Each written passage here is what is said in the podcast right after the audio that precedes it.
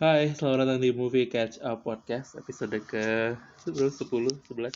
Sebetulnya eh, agak menyenangkan karena tidak disangka-sangka baru aja minggu lalu upload, minggu ini kayaknya bakal upload lagi nih gitu karena sudah karena udah cukup lama break eh, podcast itu ya.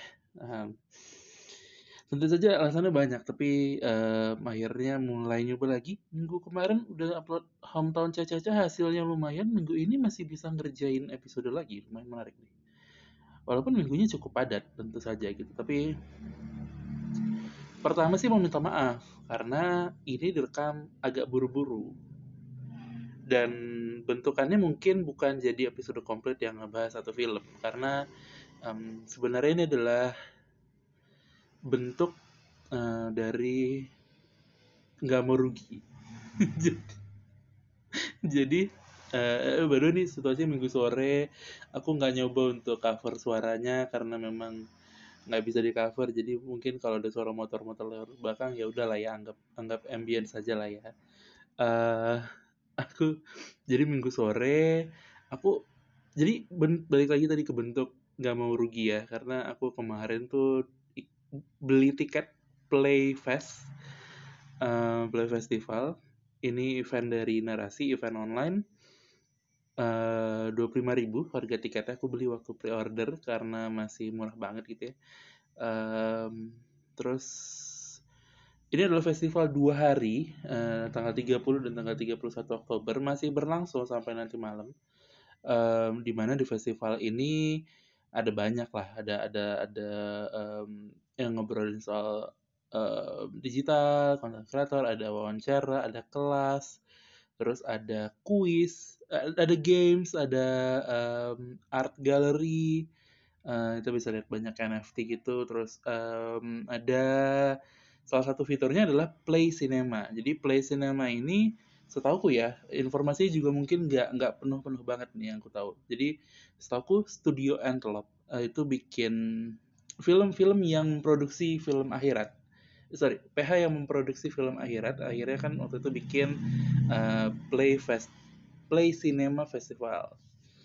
Um, jadi kayak festival film pendek terus um, enam hasil kurasinya itu dimainkan bisa kita tonton di Playfest gitu. Jadi ini kerjasamanya si Studio Antelope sama um, narasi kayaknya. Singkat cerita aku emang udah agak ngincar sih si si Playfest ini gitu. Terus singkat cerita aku akhirnya nonton nonton nonton Playfest gitu ya. Uh, nonton Playfest dan nonton Play Cinema khususnya. Um, dan karena aku nggak mau rugi minimal dua puluh lima ribu jadi konten gitu. Minimal menghasilkan satu episode. Karena kalau enggak kan kacau ya. Jadi mending mending uh, minimal jadi satu episode lah membahas ini. Oke. Okay. pedikit tiga menit. Uh, sekali lagi aku minta maaf kalau background suaranya kurang oke okay, karena memang aduh kayak seminggu sore aku pengen yang kalem-kalem. Kalau kemarin tuh aku usahanya agak full kan aku aku mencoba untuk isolasi suaranya um, sehingga suaranya terasa lebih padat gitu. Kalau ini mohon maaf banget aku sih memang pengen podcast aja gitu. Pengen cepet-cepet ngebahas si enam film ini enam film yang ada di Play Cinema ini. Oke okay. aku akan bahas filmnya cuman bukan cuman eh, ada dua catatan. Pertama aku nggak nggak bisa ngebahas secara total satu film ya. Maksudnya uh, tentu aku akan review satu-satu secara singkat satu sampai enam. Um, tapi aku nggak bisa kayak bahas satu film full berapa menit gitu enggak sih. Justru sebenarnya yang aku pengen bahas itu adalah um, garis besar garis besar uh, sat, enam film ini ternyata punya satu uh, benang merah utama gitu ya. Nanti aku justru pengen bahas di akhir. Yang hubungannya sebenarnya nggak ada ke film pendek film pendek banget sih tapi tapi justru lebih ke ngelihat uh, kondisi sosial aja. Aja aja aja aja aja, aja uh, itu sih. Jadi udah kita mulai aja episodenya. Aku akan bahas 6 filmnya dulu. Mungkin dengan ada biodata biodata yang udah aku siapin. Um, sayangnya sih filmnya udah nggak bisa teman-teman nonton lagi ya kalau kalau kamu dengerin ini. Dan kamu kayak ini gimana ya nonton filmnya? Sayangnya sih aku nguploadnya udah nggak kekejar lagi. Tapi semoga semoga filmnya bisa tayang di platform lain ya uh, aku nggak tahu banyak banyak platform streaming yang mulai kasih tempat untuk film pendek Semoga enam film ini, karena memang mereka bagus semua, semoga enam film ini punya kesempatan untuk ditonton lebih banyak orang. Mungkin via platform platform via platform streaming. Jadi um, ya udah, mari langsung kita mulai segmennya. Yuk, selamat datang di Movie Catch Up Podcast.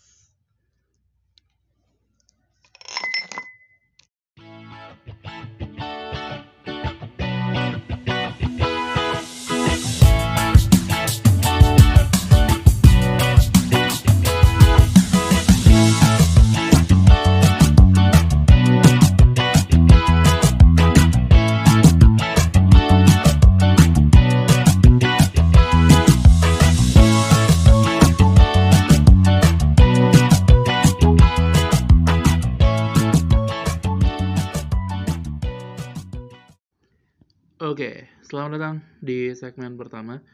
Um, semoga suaranya membaik, tapi kalau tidak, iya lagi-lagi minta maaf aja karena memang uh, pengen bersantai-santai di hari Minggu aja. Anggap motor-motor di belakang adalah background. Uh, sekarang kita masuk ke film pertama. Jadi ada enam film seperti yang tadi aku jelaskan, ada enam film.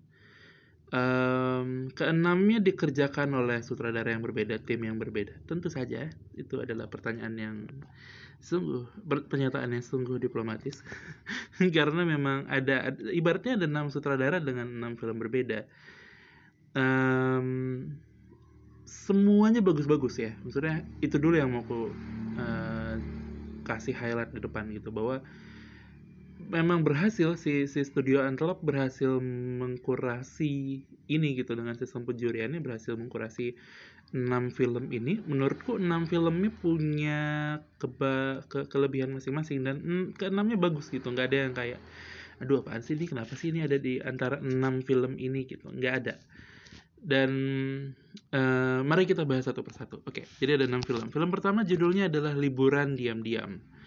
Um, ini aku akan ini ya sebisa mungkin tidak spoiler tapi kalau spoiler mohon maaf gitu, oke? okay?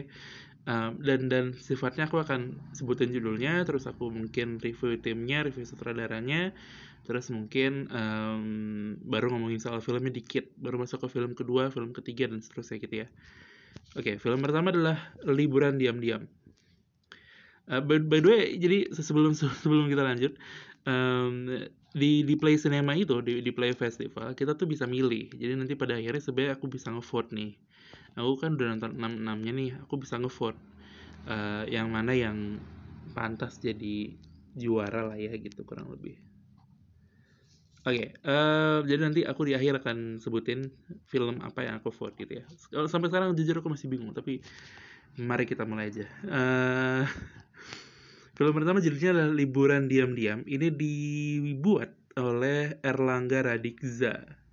Uh, atau kalau nama populernya katanya tokek dan aku baru tahu ternyata kayaknya ya kayaknya nih ini masih agak diragukan kebenarannya. Kayaknya uh, Mas Erlangga Radikza ini adalah yang ngebuat behind the scene-nya seperti dendam rindu harus dibayar tuntas. Seperti rindu dendam harus dibayar tuntas um, kayaknya karena di Instagramnya dia banyak ngomongin soal film seperti rindu gitu. Seperti dendam atau seperti rindu sih bentar. Oh seperti dendam seperti dendam rindu, rindu harus dibayar tuntas ya. Dia dia lumayan banyak ngomongin itu. Misal dia kayak bilangin filmnya akan segera segera tayang dan sebagainya terus banyak video-video di Instagramnya yang jelasin ketika dia proses uh, produksi behind the scene dan sebagainya gitu um, ini Mas Erlangga Radikza. Nah, timnya, enggak, mari kita cek ya. Timnya itu adalah sebentar. Sabar teman-teman, jangan marah-marah. Oke, sebentar. Tahan teman-teman, tahan, tahan, tahan, tahan. Ini sinopsis dulu sinopsis jadi sinopsisnya ini yang tertulis di ini ya di, di website ya melihat hakim tak henti-henti merengek Pak Hakim akhirnya mengajak keluarga kecilnya untuk pergi ke kebun binatang.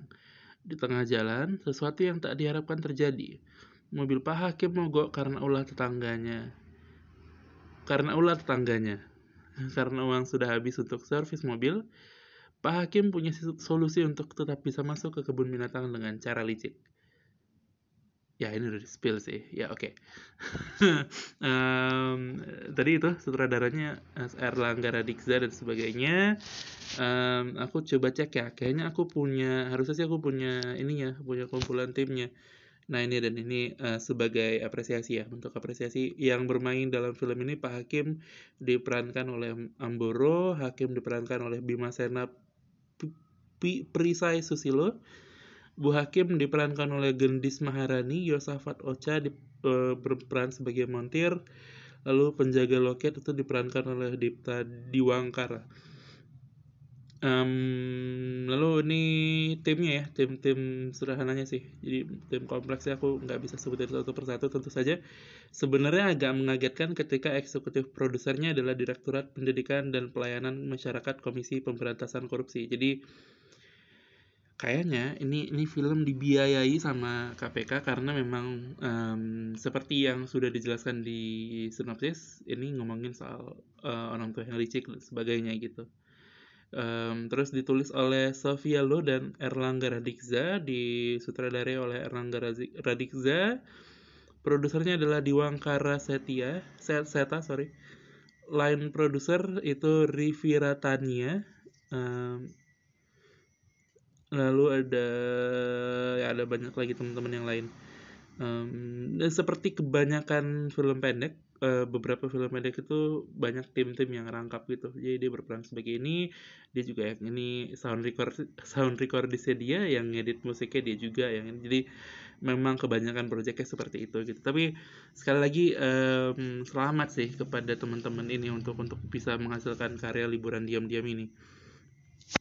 Um, sinopsisnya kan tadi udah jelasin ya bahwa ini soal uh, keluarga yang liburan dan sebenarnya soal kelicikan sih. Jadi secara secara garis garis besar tuh sebenarnya ini ngomongin soal sudut pandangnya hakim. Seorang anak ngelihat ayahnya tuh nyari solusi dengan cara licik gitu. Terus um, um, jadi ngomongin soal hubungan anak dan orang tua da dari sudut pandang tiru meniru gitu. Jadi ini berat um, ayah kencing berdiri anak kencing berlari gitu. Uh, mungkin mungkin ke situ arahnya. Tapi filmnya menarik sebenarnya. Aku aku ngelihat ada ada taste komedinya.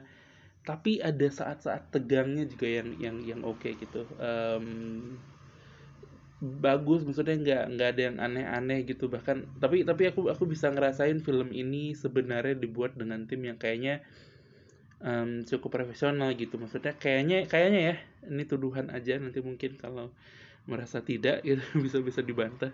Um, kayaknya timnya agak lebih proper ketimbang beberapa film pendek yang lain yang nanti juga aku ceritain. Tapi liburan diam-diam sih keren banget ya. Karena dia juga ngomongin soal uh, eh, PSBB dia juga ngomongin kondisinya background um, ceritanya ada pada saat PSBB gitu ya menarik sih liburan diam-diam. Um, aku, mungkin mungkin dari 1 sampai 10 aku bisa kasih liburan diam-diam itu. Shit susah juga ya. Berapa ya? Aduh 8 iya 8 bisa sih. Ya 8 aku akan kasih 8 dari 10 untuk liburan diam-diam Semoga filmnya bisa tayang di platform lain ya, karena menarik memang filmnya. Um, kita masuk ke film kedua di segmen berikutnya. Eh, satu segmen aja kali ya. Satu, satu, satu, sorry, sorry, sorry. Dipisah gitu. Kita kita satu segmen aja deh, nggak usah usah panjang-panjang segmennya kayak yang bener aja. Kita berarti tadi kita sudah ngebahas liburan diam-diam. Bagus filmnya. Ini ini beran. Enam film ini tuh curated dan dan bagus-bagus semua gitu. Um, terus film kedua yang yang aku pengen bahas tuh adalah ini Sohibul. Sohibul ini menarik um, ini disutradarai oleh Lucky Eka Chandra S. Tapi jujur Instagram masnya di lock. Aku nggak bisa ngecek gitu maksudnya uh, beliau ngerjain apa aja dan sebagainya di, di private um, jadi aku cuman punya datanya dari uh, screenshot yang aku cek gitu. Coba ya ntar ya kita coba cek. Screenshot screenshot sohibul sabar uh, ya aku nggak screenshot lagi sih Sohibul ya. Oke kita cek di website ya. Sorry teman-teman namanya juga kita podcaster sendirian ya. Ntar sabar teman-teman. Jangan marah-marah dong. Jangan langsung mau matiin gitu. Um, Sohibul ini menceritakan tentang Gary dan Herman mendapat tugas untuk mengantar daging sedekah namun mereka berdebat mengenai daging. Oh, ada ada telepon di handphone yang berbeda. Sebentar. Oke okay. uh,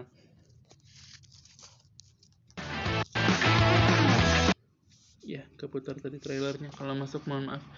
Uh, jadi Sohibul ini sebenarnya sih secara singkat sinopsisnya gini. Jadi kondisinya hari raya hari raya kurban ya idul adha. Terus um, dua orang pemuda diminta untuk mengantar um, makanan ke dua rumah. Rumah Pak Made dan Pak Nyoman. Terus um, mereka kan ngantar daging. Terus di saat bersamaan mereka sadar gitu di tengah perjalanan. Lah ini kan Pak Made sama Pak Nyoman. Jadi salah jadi perdebatan mereka gitu. Salah satu merasa bahwa lah ini kan daging kalau kita antar ke sana gimana? Mereka nanti tersinggung nggak? Marah nggak? Kan um, sapi adalah hewan yang dianggap suci oleh orang orang-orang yang beragama Hindu gitu. Terus akhirnya um, salah satu temennya lagi bilang bahwa ya enggak kita nih kasih aja masalah nanti diterima atau enggak ya itu urusan nanti gitu. Mereka perdebatan di tengah jalan itu yang menjadikan highlight di film ini. Um, jadi mungkin kalau kalau aku secara sekilas bisa nangkapnya sih soal uh, film ini tuh ngomongin soal uh, bahwa kita sering kali nangkap pesan itu tidak secara full. Terus misalnya um, kita sering kali dibenturkan antara toleransi kalau kita ngelakuin sesuatu kita di, dianggap tidak tolerir dan sebagainya gitu. Jadi um, perdebatannya sih masuk gitu. Cuman mungkin mungkin uh, kenapa aku tidak bisa terlalu mengenjoy mengenjoy film ini tuh adalah karena aku ngerasa agak terlalu komikal gitu. Bahkan dari awal pun sorry uh, dari scene awal pun sudah berasa komikal gitu si filmnya. Um, mungkin sedikit trying to funny gitu trying to be funny. Um, tapi ya maksudnya itu itu adalah selera sih menurutku. Uh, apakah pesannya nyampe? Nyampe. Tapi menurutku pribadi agak terlalu uh, komikal gitu sih filmnya. Tapi masih menarik untuk ditonton um, dan sayang aku nggak bisa ngecek sih ini tim-timnya siapa aja. Tapi uh, itu tadi sutradaranya ada Mas Lucky dan sebagainya. Um, harusnya sih filmnya bagus ya film filmnya sih agak segmented gitu pembahasannya mungkin jadi jadi mungkin menurutku ini kayak pembahasan sensitif yang dicampur dengan um, dicampur dengan komikal gaya-gaya komikal uh, bercanda-bercandaan yang datang dari verbal dan sebagainya gitu. Masih menarik untuk ditonton aku sih ngucapin selamat aja karena gila sih ngebuat film sih selalu selalu aku sih selalu mencoba untuk apresiatif gitu sebisa mungkin. Tapi kalau diminta untuk nilai karena ini movie kaca podcast dan aku pingin kasih nilai setiap filmnya yang mana nanti pada akhirnya aku akan ngevote juga di di playfestnya um, aku mungkin bisa kasih 7 dari 10 untuk um, Sohibul. Um, kenapa nama judul filmnya Sohibul? Karena ada deh. Nonton sendiri aja nanti kalau tayang di platform lain. Tapi ini menarik sih ini menarik. Bungkusannya menarik kemasannya menarik isinya menarik sayangnya pemilihan untuk menjadi komikal aku agak sulit untuk menerimanya gitu. Oke kita masuk ke film ketiga. Film ketiga judulnya adalah um, film ketiga judulnya tadi aku tuh nyobain yang mana dulu ya? Oh aku tadi nyobain ini. Finding Match Finding Match ini dibuat oleh Ali Famalfi. Muhammad Alif Famalfi um, dan ini adalah bagian dari Pranala Pictures um, mungkin mungkin kalau teman-teman ngecek posternya si si Finding Match itu berasanya kayak Love for Sale versi light versi ringannya gitu tapi menurutku sih enggak juga gitu enggak adil untuk kita bilang bahwa ini Sale versi light. Enggak juga sih karena memang uh, pendekatannya berbeda gitu bahwa iya um, online dating uh, blind date dan sebagainya tapi hmm, yang enggak juga gitu. Maksudnya kalau kalau Sale kan kita tahu ngomongin soal gading yang uh, ngomongin soal siapa sih namanya tuh? Ya Gading Martin yang uh, ngerasa sendirian terlalu lama dan sebagainya gitu. Tapi ini tuh justru bukan ngomongin soal itu. Kalau kalau bisa aku omongin sebenarnya si finding match jadi lebih berfokus ke um, move on gitu. Mencoba untuk move on dengan mulai bermain aplikasi pencarian jodoh tadi gitu. Um, selengkapnya bisa ditonton kalau filmnya bisa tayang di tempat lain ya. Um, ini yang bermain ada sementara sutradaranya tadi Alifa Malvi, lalu uh, produsernya Ajang Ratih, DOP-nya Andika Abimanyu, Givernya um, ya ada beberapa yang lain. Mohon maaf ini posternya ke kekecilan sih di aku. Um, ya jadi menarik sih bisa teman-teman cek oh ini filmnya udah tayang di YouTube gimana ya bisa dicek sih teman-teman siapa tahu siapa tahu siapa tahu uh, si PH-nya ini masing-masing sudah uh, play fast ini justru naruh film-filmnya di YouTube.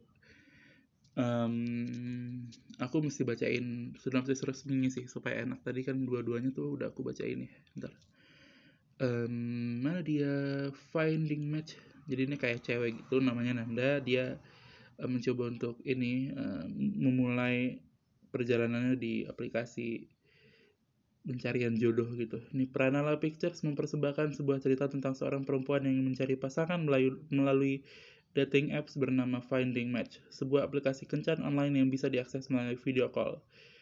Di aplikasi ini ia juga dipertemukan oleh para lelaki dengan berbagai macam karakter. Sebenarnya sorry, sebenarnya uh, yang menarik dari Finding Match ini justru, justru menurutku ya um, kayaknya dia yang filmnya bener-bener minimalis gitu. Maksudnya um, settingnya hanya satu bisa dibilang. Um, terus ada ada ada sequence yang berulang gitu um, yang nunjukin kehidupan anda hari ke hari. Dia kenalan sama cowok yang berbeda setiap hari dan sebagainya gitu. Um, terus ada patahan pattern yang kita udah terbiasa sama satu pattern tiba-tiba dipatahin ditambah dengan musik gitu. Ini ini menarik sih. Cuman balik lagi tadi yang yang paling aku bisa highlight sih itu bahwa ini filmnya paling minimalis. Tapi di saat yang bersamaan um, cara mereka untuk menyampaikannya itu justru yang menarik gitu film ini. Finding Match bisa aku kasih 8 sih jujur. Um, nah, sulit deh enggak deh sorry ya liburan diam-diam 8,5 Finding Match 8,5 uh, Sohibul 7 ya itu cukup adil lah menurutku penilaiannya. Uh, kita masuk ke film 4 dan 5 dan 6 tapi di segmen berikutnya aku minum dulu. Jadi kita balik lagi habis ini ya. Yuk. Lama nih matiin ya. Nah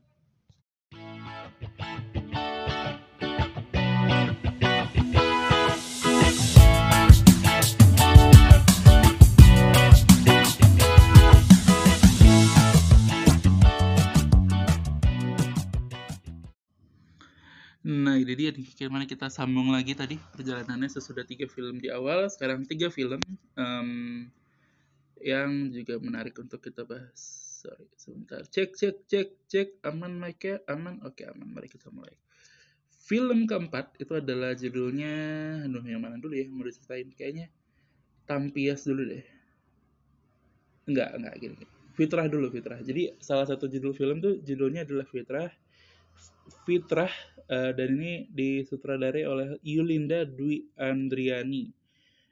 Kayaknya satu-satunya film yang disutradarai oleh uh, perempuan ya. Dan ini menarik sih. sebentar uh, ya ini menarik sih aku melihat di Instagramnya ada akun um, kakaknya lagi aku akun makannya gitu akun keduanya dia makan di situ gitu-gitu. Ya gitu menarik sih. Ada akun apa lagi nih? Golongan muda meriah mereka bersama mencipta dengan sesama. Menarik menarik menarik. Kami oke okay, ya oke. Okay. ini menarik sih. Jadi uh, Yulinda Dwi Andriani um, ini adalah yang membuat film Fitrah. Dan benar ketika aku nonton ini benar-benar perasa seperti film perempuan. Mari kita cek ya. Dari enam film hanya ini yang sudut pandangnya sudut pandang perempuan loh. Eh enggak sorry sorry. Sorry si si finding match sih juga perempuan. Tapi artinya dua. Tapi yang paling kental justru si si si fitrah ini. Jadi fitrah ini sebenarnya ngomongin soal sebentar. Mari kita cek cek cek cek cek cek. Mari kita cek fitrah fitrah di mana kamu? Ini dia fitrah. Oke. Okay ya ribet ya. Oke mari kita cek di website saja. Fitra Fitra mana Fitra ini orangnya udah mana nih? Yuk yuk yuk Fitra yuk. Yuk bisa yuk Fitra yuk. Yuk nah. Oke. Okay. nah sorry ya. Fitra ini ber bercerita tentang Sri 27 tahun selalu bertahan dengan lika-liku kehidupan yang menyambanginya. Itu semua ia lakukan demi memuliakan suami dan anaknya. Setiap harinya Sri tidak pernah berhenti. Ia tidak pernah mau mati dengan mudah. Sri terus bergerak hingga peristiwa di malam lebaran terjadi dan merenggut segala yang telah ia usahakan. Nah, jujur, ini ada banyak scene yang sangat-sangat relatable ke aku ya. Misalnya kayak scene didatangi di kolektor, ngomongnya pelan-pelan aja karena malu-maluin. Ada satu scene dalam film ini yang gue kayak kok aku ikutan takut ya? Kok kayak berasa flashback 2-3 tahun yang lalu? Ketika ada yang manggil-manggil dari luar pagar tapi kami sekeluarga nggak ada yang berani buka. Ya tapi itu semua sudah terjadi lah ya maksudnya uh, filmnya balik lagi ke tadi filmnya ngambil sudut pandang seorang ibu rumah tangga banget um, Mari kita cek cashnya deh. Cash, cash, cash. Nah ini bentar nih. Mari kita cek, cek cashnya. Nah, cashnya ini Sri diperankan oleh Jia, Joanna, Joanna Dia, dan anaknya itu diperankan oleh Raditya Evandra. Jadi singkatnya sih sebetulnya, um, bentar, singkatnya sih film ini ngomongin soal ibu yang mencoba untuk berjuang di tengah keluarga yang sulit gitu. Ayahnya uh, pulang nggak pulang terus mencurigakan dengan pekerjaannya dan sebagainya gitu. Jadi um, ini mencoba untuk menangkap ke sana sampai akhirnya ada ada ada terjadi satu hal di malam takbiran itu gitu. Kenapa judulnya kemudian fitrah menarik sebenarnya sudut pandangnya. Aku bisa ngerti gitu walaupun ini sudut pandang perempuan banget tapi aku mencoba untuk mengerti dan ternyata nggak sulit-sulit banget bahkan termasuk yang oke okay, gitu. Um, cukup relate tapi um, tidak sepecah dua sisanya. Jadi mungkin kalau diminta untuk nilai aku bisa kasih nilai berapa ya? Duh sama lagi 8,5 sulit bener nih filmnya bagus-bagus semua guys ya delapan delapan koma tujuh lima deh ini si Fitrah. Fitrah delapan koma tujuh lima Fitrah. Oke. Okay. kita kita masuk ke film kelima. Judulnya adalah Tampias. Tampias dulu deh. Ini ini dua sih hero nih. Aku masih bingung nih antara dua ini yang mau aku vote nih. Um, yang kelima judulnya adalah Tampias. Tampias ini disutradarai oleh Revel Tarigan um, diproduksi oleh Holocene Films uh, Holocene Films sorry. Dan um, kenapa sutradara muda isi fitnya estetik semua itu itu pertanyaan lo itu. Uh, bentar. Holocene Films ada nggak ya posternya? Uh, ini ini sih udah beda ya. Maksudnya dari segi durasi aja udah beda banget. Um, yang tadi tuh durasinya berapa gitu nih ini hampir setengah jam durasi si Tampias dan dan secara tampilan juga udah sangat-sangat berbeda gitu. Um, misalnya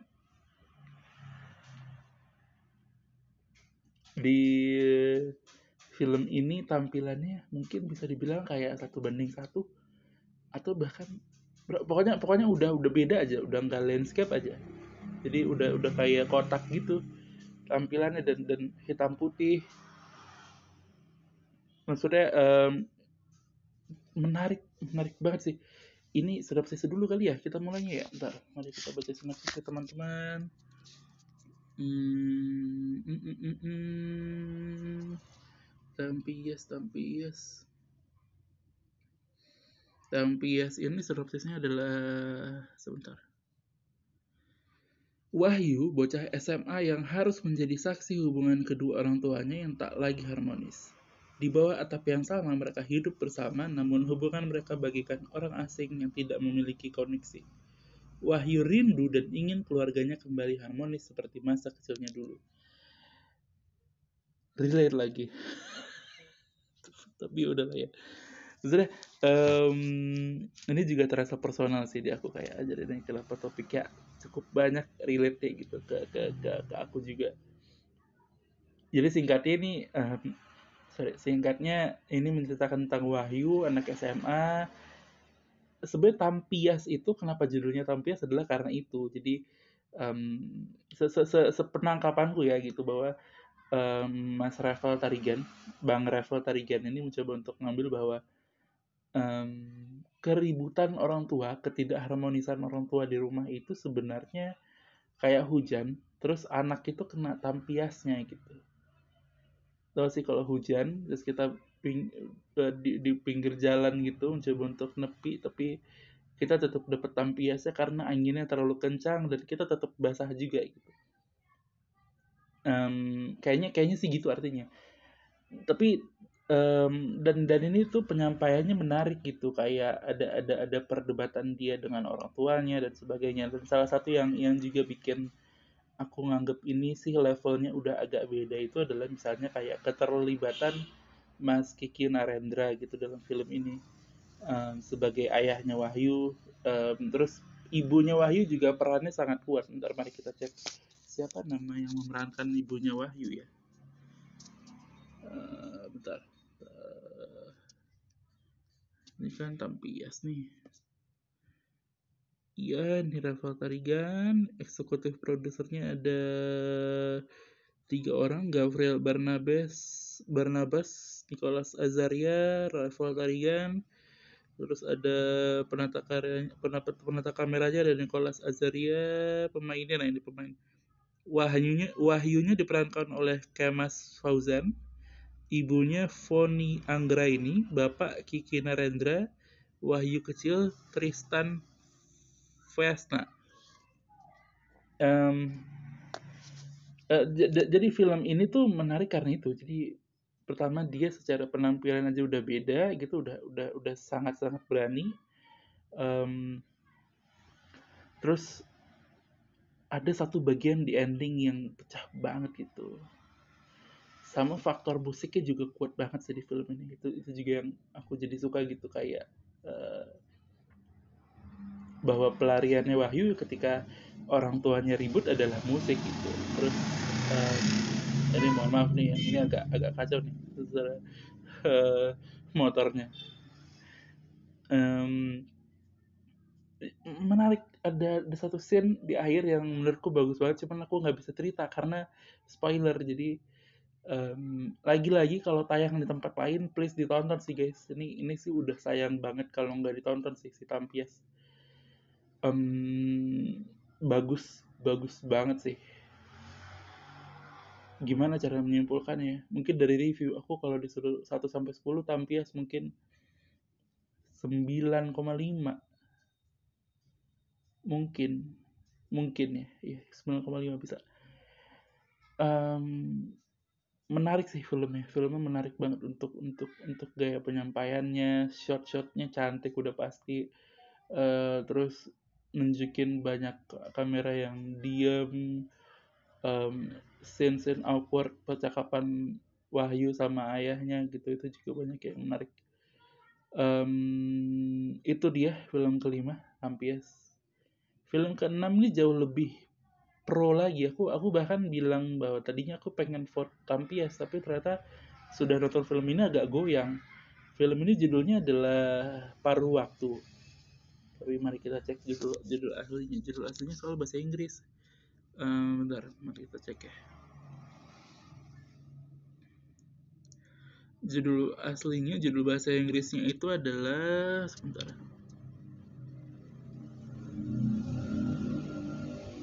Iya, paruh waktu. Paruh waktu ini sinopsisnya ya.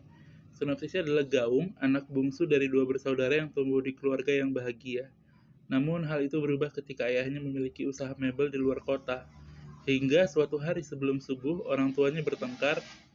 Gaung terjebak di dalam kamar mandi dan tak tahu harus berbuat apa. Apalagi Gaung dan kakaknya memegang sebuah rahasia. Um, ini ini menarik banget sih. Shit, ini ini secara pesan dan secara teknis bagus banget. Ada ini kalau aku nggak skip ya ada scene sepanjang 12 menit one take. Gila kali ya. Bahkan lebih itu kalau aku nggak sadar ya bahwa misalnya mereka nyisipin ternyata itu dua atau tiga take gitu uh, ada ada transisi transisi halus yang mereka kasih gitu. Tapi gila sih ham, hampir 12 menit. One take. Pertama aku mikir bahwa iya actingnya bagus-bagus. Cuman di saat yang bersamaan aku juga nggak bisa mikir berapa banyak kegagalan yang mereka alami. Terus misalnya kayak aku nggak bisa ngalamin aku nggak bisa ngebayangin um, di belakang layarnya gimana mempersiapkan si scene 12 menit ini dengan baik gitu. Anjir itu bagus banget sih.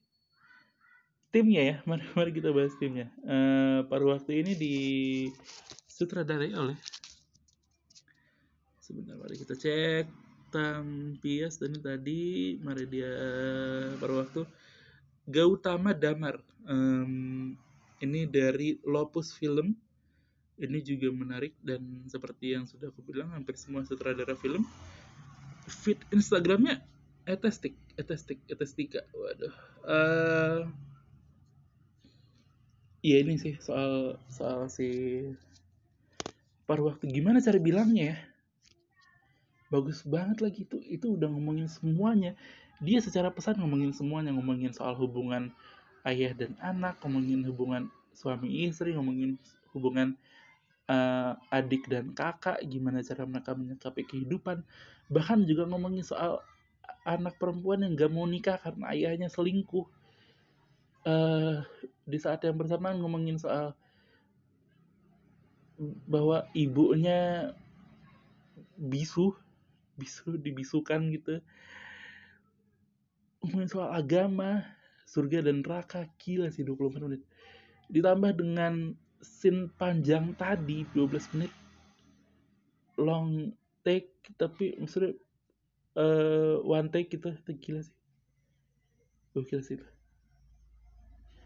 um, dan dan dan ada pecahan di akhir. Menurutku satu hal yang jadi favoritku ketika aku nonton film pendek itu adalah patahan di akhirnya itu loh. Ketika twistnya itu dapat banget tuh aku aku suka gitu. Ketika misalnya di awal mulai dengan datar di akhir kita dikasih bom yang besar sekali itu aku aku suka tipe film pendek yang seperti itu. Dan um, paruh waktu tuh ngasih ngasih itu gitu. Dia ngasih ketegangan dari awal sampai tengah dia ngasih um, obrolan yang awkward dia ngasih obrolan-obrolan yang perlahan-lahan menyingkat menyingkap si karakter ini sebenarnya seperti apa dan sebagainya gitu. Terus um, ada banyak sekali penggambaran-penggambaran misalnya kayak perdebatan mereka dia dia mendengar perdebatan ayah dan ibunya dari kamar mandi gitu itu begitu sangat-sangat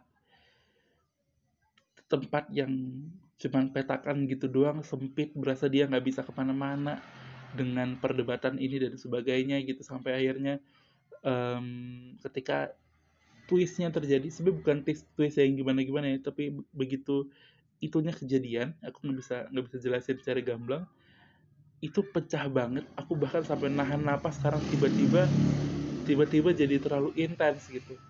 Terus dari situ itu jalan jadi agak surrealis sedikit sorry aduh ini motor makin kencang jadi agak surrealis sedikit. Tiba-tiba di akhir mem, jadi dramatis. Kayak drama tragedi itu bagus banget. Iya jadi bagus. Aku aku sih pengen ngomongin ini secara non spoiler tapi sayang filmnya mending. Kalau kalian masih bisa tonton mending tonton dulu deh baru nanti balik ke sini terus kita mungkin ngobrol-ngobrol lagi apa gimana gitu. Tapi paruh waktu sih segokil itu. Gila sih gila gila niat banget sih. Aku bisa kasih paruh waktu 9,75 mendekati kesempurnaan. Mungkin mungkin ratingku agak kacau tapi gila sih bagus banget sih. Uh, bagus banget. Ya udahlah. Ya oke aku akan vote paruh waktu ya. Aku vote sekarang ah ngevote sambil live. Bentar mari kita vote paruh waktu di Playfest vote. Nah terima kasih sudah voting di Play Cinema. Oke. Okay. masih bisa vote lagi? Nggak mungkin dong. Oke okay, udah. Um, udah sebenarnya episode ini bisa berhenti di sini. Kan aku tadi cuma pengen ngomongin ini kan. Tapi sayangnya ada satu segmen lagi yang pengen aku bahas justru justru dari dari luar konteks filmnya justru justru ngomongin soal film pendek enam film pendek di sini sih. Ya udahlah langsung masuk aja kita ngomongin soal hal-hal yang ekstrinsik tuh ada ekstrinsik. Yaudah, yuk.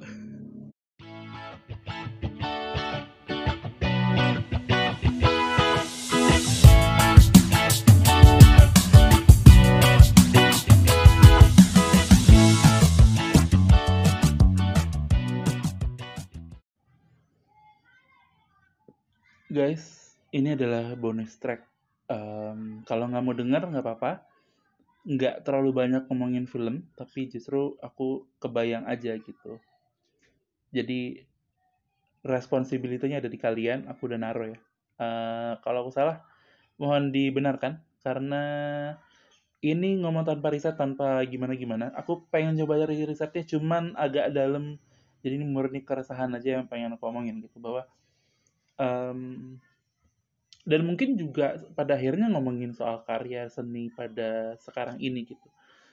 Um, 6 dari oh sorry, 4 dari 6 film di Play Cinema itu ngomongin soal anak dan orang tua, hubungan anak dan orang tua. Tiga dari enam setengahnya itu ngomongin soal orang tua yang punya permasalahan dan punya dampak kepada anaknya.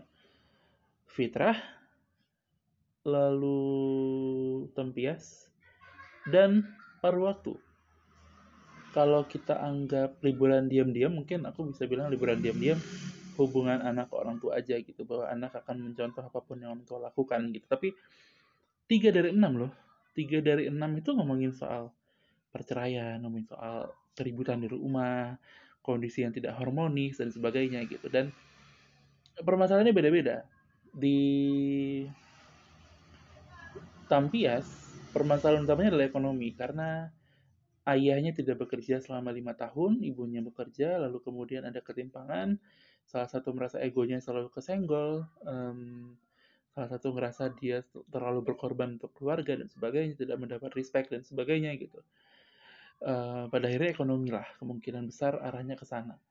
Lalu misalnya kalau kita lihat si paruh waktu kayaknya sih murni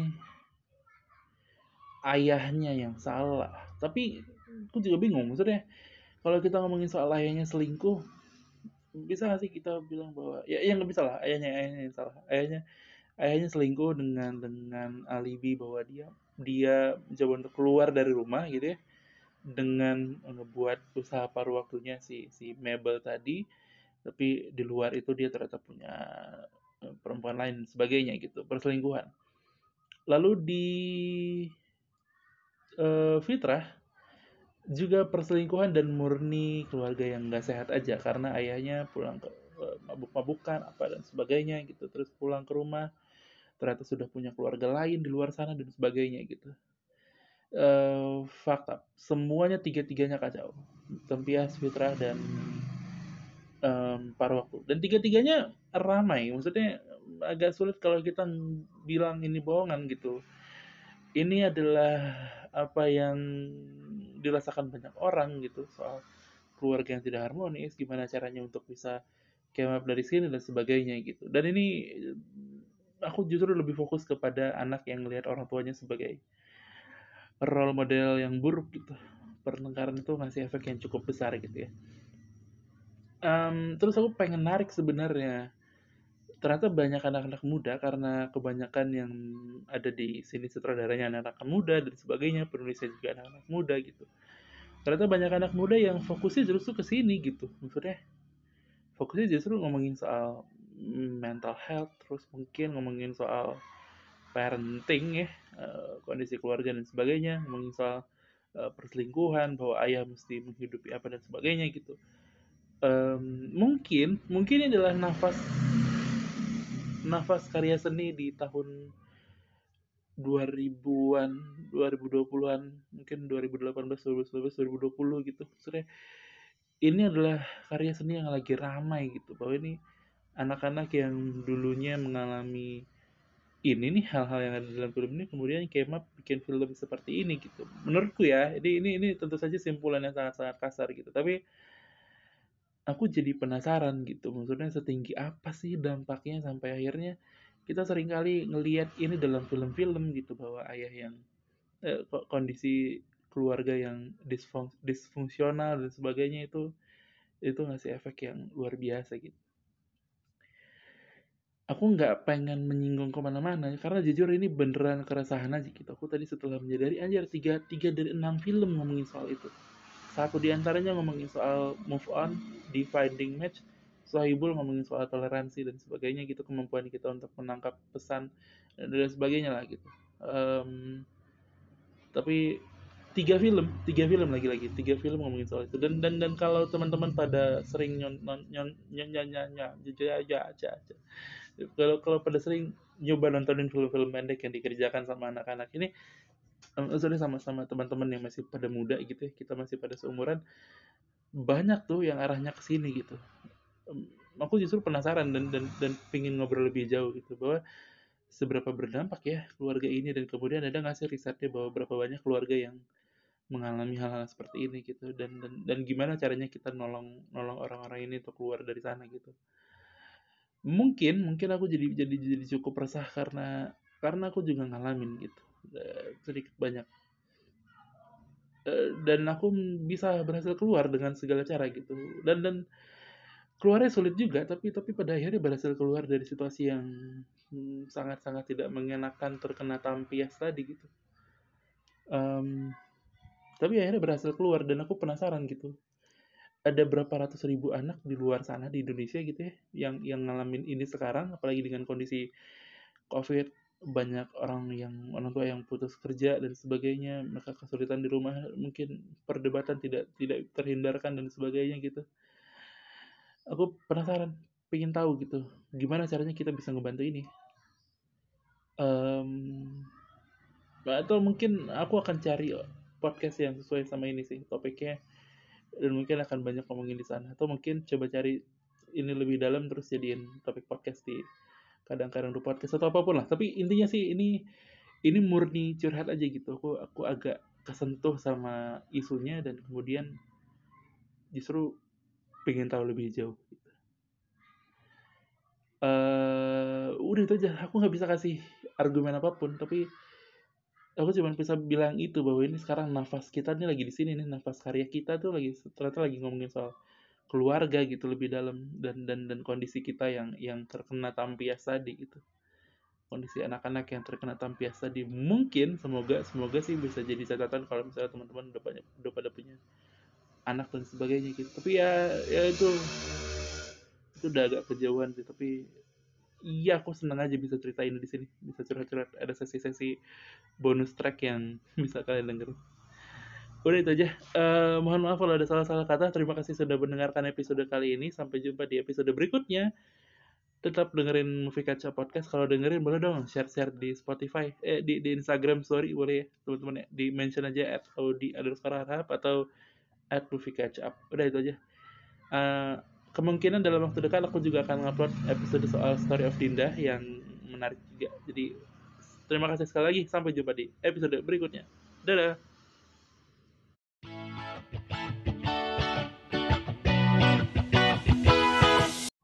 sorry sorry sorry. Balik lagi nambahin. Terima kasih sudah mendengarkan tapi aku pengen ngucapin selamat sebenarnya kepada enam film yang sudah masuk ke Play Cinema. Semoga tadi uh, filmnya bisa dapat uh, kesempatan untuk tayang di platform lain mungkin. Dan untuk yang ngedengerin kalau mau dengerin kalau mau nonton filmnya sih menurutku nonton di tempat yang oke okay ya maksudnya yang yang legal gitu beneran. Hah, itu sih. Terima kasih atas kerja kerasnya teman-teman. Aku selalu suka nonton film pendek karena menurutku film-film pendek yang sekarang tuh nentuin nentuin banget film-film panjang kita di 10 tahun lagi gitu mungkin. Arahnya akan ke sana. Tapi iya bagus-bagus. Suka uh, adalah minggu yang menyenangkan dari tanggal 30 sampai 31 ini. Aku nontonin banyak film film pendek sebenarnya tapi meaningful dan menarik semuanya. Terima kasih. Aku pilih Fitrah. Eh, enggak, sorry. Pilih paruh waktu. Yuk, pamit.